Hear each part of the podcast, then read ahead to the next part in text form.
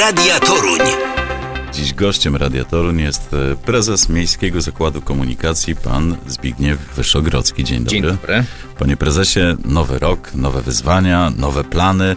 E, No, spotykamy się, żeby właśnie o tym e, porozmawiać i trochę już też podsumować ten miniony 2023 rok, bo trochę zmian zostało wprowadzonych, trochę też planów, które zostały zdradzone jeszcze w 2023 na 24. Pojawiły się biletomaty w Toruniu, które jak się okazuje cieszą się ogromną popularnością. To zacznijmy od tych biletomatów, no bo to szalenie istotna sprawa w związku z tym, że tych miejsc, gdzie możemy kupić bilety jest, no mówmy się, coraz mniej niestety.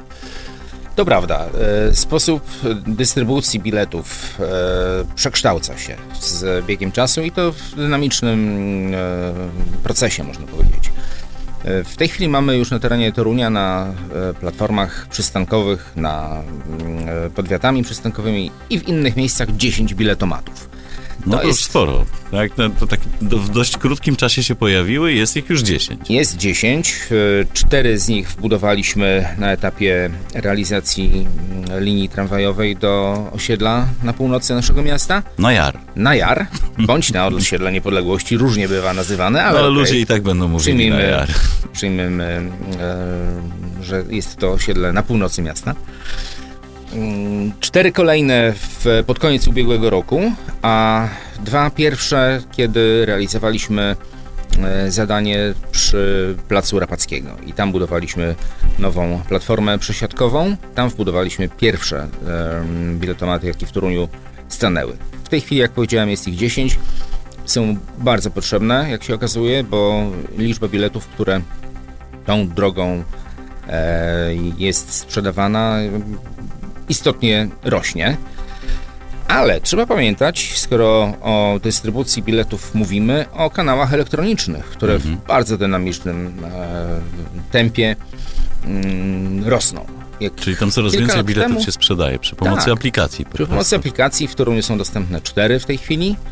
Co najmniej cztery takie specjalizowane, nie licząc aplikacji bankowych, które niektóre z nich też pozwalają na zakup biletów. I niech przykładem dynamiki tego procesu będą dwie liczby. Mniej więcej 1,5 do 2% biletów tymi kanałami sprzedawaliśmy jeszcze 5-6 lat temu. Dzisiaj ponad 40%. Także jest to ogromny przyrost. No jest to ogromny, rzeczywiście. Wzrost e, bardzo dynamiczny. Natomiast trzeba pamiętać, że nie dla wszystkich e, ten kanał dystrybucji jest przyjazny. Niektórzy się do niego nie mogą przekonać z różnych powodów. Dla nich są biletomaty. Biletomaty, e, możliwość zakupienia biletu e, elektronicznego. E, te akurat kanały się rozwijają, ale tych miejsc, gdzie można kupić jeszcze taki zwykły papierowy bilet, no jest coraz mniej, czy to jest tylko takie wrażenie? Nie, rzeczywiście jest ich coraz mniej. Kiedyś w każdym kiosku mm, można było bilet kupić. Kiosków zresztą było Kioski o wiele znikają, więcej. tak. Były na każdym kroku praktycznie. Teraz jest ich wyraźnie mniej. I też nie każdy z nich dystrybuuje bilety. No dobrze, to pojawiły się nowe możliwości. Zawsze odpowiedzią na, e, na to, że coś znika, e, odpowiedzią jest to, że się coś pojawia. Pojawiły się więc biletomaty, ale wkrótce pojawi się też coś, co chyba jest sporym wydarzeniem e, w życiu wszystkich pracowników MZK, no bo jest planowany, planowana nowa zajezdnia. I no to proszę opowiedzieć o tych planach. Gdzie ona będzie zlokalizowana, jak duża będzie, na ile usprawni waszą pracę codzienną. Nowa zajezdnia, szczególnie tramwajowa, jest niezbędna ze względu na to, że obecna przy ulicy Sienkiewicza po prostu jest już dla nas za ciasna i nie ma możliwości, aby tam zainstalować wszystkie urządzenia, które potrzebne są do sprawnej em, obsługi nowoczesnego taboru, jakim dysponujemy i którego będziemy mieli pewnie w najbliższych latach coraz więcej. I z tego powodu zdecydowaliśmy o tym, aby wybudować nowe miejsce do obsługi tramwajów i będzie ono zlokalizowane tuż przy obecnej zajezdni autobusowej, czyli przy ulicy Legionów.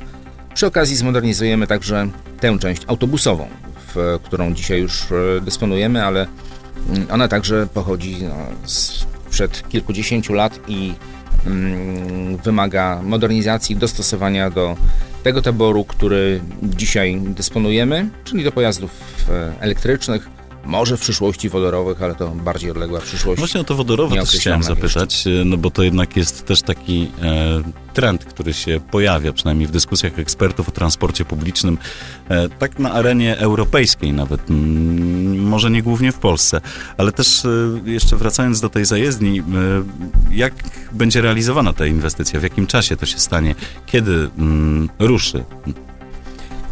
Ruszy wtedy, kiedy będą na nią pieniądze. Pieniądze e, powinny się pojawić e, w, pod koniec tego roku, może na początku przyszłego, w zależności od tego, jakie będzie tempo rozpatrywania wniosków. Wniosek o te e, kwoty, które na innymi modernizację zajezdni będą przeznaczone, musimy złożyć do połowy tego roku. Czyli chwili... do połowy tego roku sam projekt powstanie tak naprawdę, tak? Mm, może jeszcze nie projekt, na, pe na pewno nie Bo projekt. Nie, częścią to... wniosku nie jest projekt? Nie, to jest A, dokumentacja, e, dokumentacja, którą e, złożymy, aby uzyskać środki na budowę, czy na realizację e, wszystkich zadań, jakie są w e, tym projekcie nie obejmuje jeszcze projektów budowlanych. Jest, Ale trzeba je oszacować w samym wniosku? Trzeba je oszacować, żeby wiedzieć, o jakie pieniądze, mm, o jakie kwoty mm, występujemy. Musimy mieć e, decyzję środowiskową. I po, mhm. czy, oczywiście, aby uzyskać decyzję środowiskową, trzeba szereg różnego rodzaju analiz przeprowadzić i nad tym w tej chwili pracujemy. Czyli połowa tego roku to będzie złożenie tego wniosku o dofinansowanie e, z środków Unii Europejskiej. Tak, oczywiście, z I... środków Unii Europejskiej, a dokładniej z funduszy europejskich na infrastrukturę, klimat i środowisko, tak zwany FENIX. I mniej więcej rozpatrzenie tego wniosku do końca roku? No spodziewamy się, że w drugiej połowie roku powinno rozpatrzenie tego wniosku nastąpić i po przyznaniu nam e, wnioskowanych kwot możemy uruchomić e, procedury przetargowe Czyli... dotyczące projektowania, a później budowy bądź projektowania i budowy. Jeszcze nie zdecydowaliśmy. Czyli to pewnie zajmie cały 2025 i w 2026 można się spodziewać, że coś się pojawi przy ulicy Legionów. Myślę, że będą wtedy trwały prace, intensywne prace budowlane. A, a to już wtedy będzie przecięcie wstęgi. No, przecięcie wstęgi to myślę, że gdzieś po dwóch latach od wbicia łopaty. No to tego sobie życzymy, no bo rzeczywiście ta nowa e, zajezdnia tramwajowa jest e, Torniowi potrzebna. Co, co się wtedy wydarzy z tą starą? Starą zachowamy i wcale nie zamierzamy mm, e, rezygnować z jej funkcjonowania. Również dokonamy jej modernizacji, ale w zakresie takim, który będzie potrzebny do codziennej obsługi tramwajów. Z tego względu chcemy ją zachować, że położenie tej zajezdni sprzyja mm, krótkim trasom, mm, takim nazwijmy to e, pustym, czyli mhm. większość linii tramwajowych przebiega w pobliżu tej zajezdni. A więc, aby dokonać mm, przeglądu codziennego tramwaju, ten tramwaj nie będzie pustych kilometrów wykonywał, żeby dojechać do Legionów i tam zostać mm, poddanym mm, obsłudze codziennej. Dlatego też e, tę zajezdnię chcemy zachować, choć nie w takim wymiarze jak dzisiaj, czyli ta część zaplecza, która jest za tą główną zasadniczą halą E, obsługi mm, będzie prawdopodobnie wyłączona z naszego użytkowania. Czyli jak sądzę, tutaj chodzi o to, że te tramwaje czyszczone, myte będą, e, bo, bo częściej pewnie właśnie w tej starej zajezdni, a serwisowane w tej nowej już, tak? Poważniejsze remonty będą przeprowadzane w nowej i tam też będą e, tory odstawcze, zadaszone, e, aby te nowoczesne, wrażliwe, jednak bardziej stanowczo niż e, 40 już dzisiaj letnie konstale pojazdy miały warunki, które pozwolą im przetrwać dłużej. Czeka nas jeszcze przebudowa pętli olimpijskiej. Mm, to jest e, przebudowa związana też e, z usprawnieniem e, komunikacji.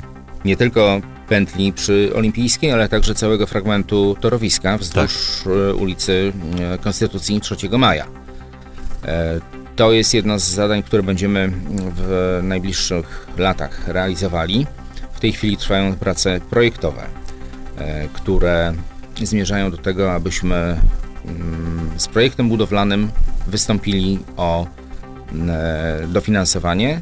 Ten akurat projekt będzie dofinansowany e, ze środków, którym dysponuje nasze województwo To jest, są e, fundusze europejskie dla Kujaw i Pomorza, tak zwane FEDKA. fundusze europejskie, ale inny, ale inny fundusz, inny subfundusz można Inny powiedzieć. subfundusz, tak. I kto inny jest ich dysponentem. Ale to też będzie inwestycja taka poważniejsza, jeśli chodzi o takie infrastrukturalne inwestycje w Toruniu w tych najbliższych latach.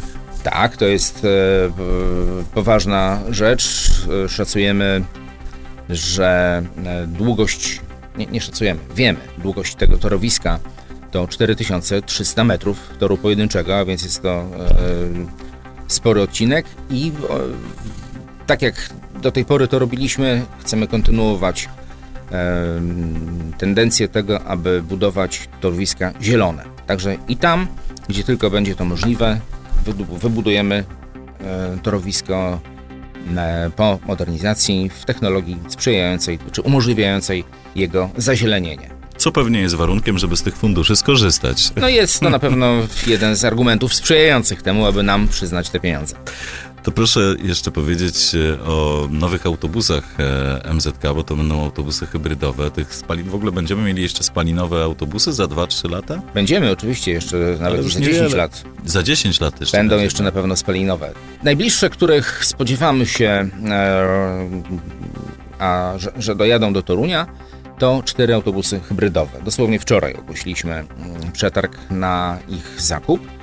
Spodziewamy się, że w ciągu 10-12 miesięcy od podpisania umowy te autobusy do nas dojadą. Będzie to, spodziewamy się, początek przyszłego roku.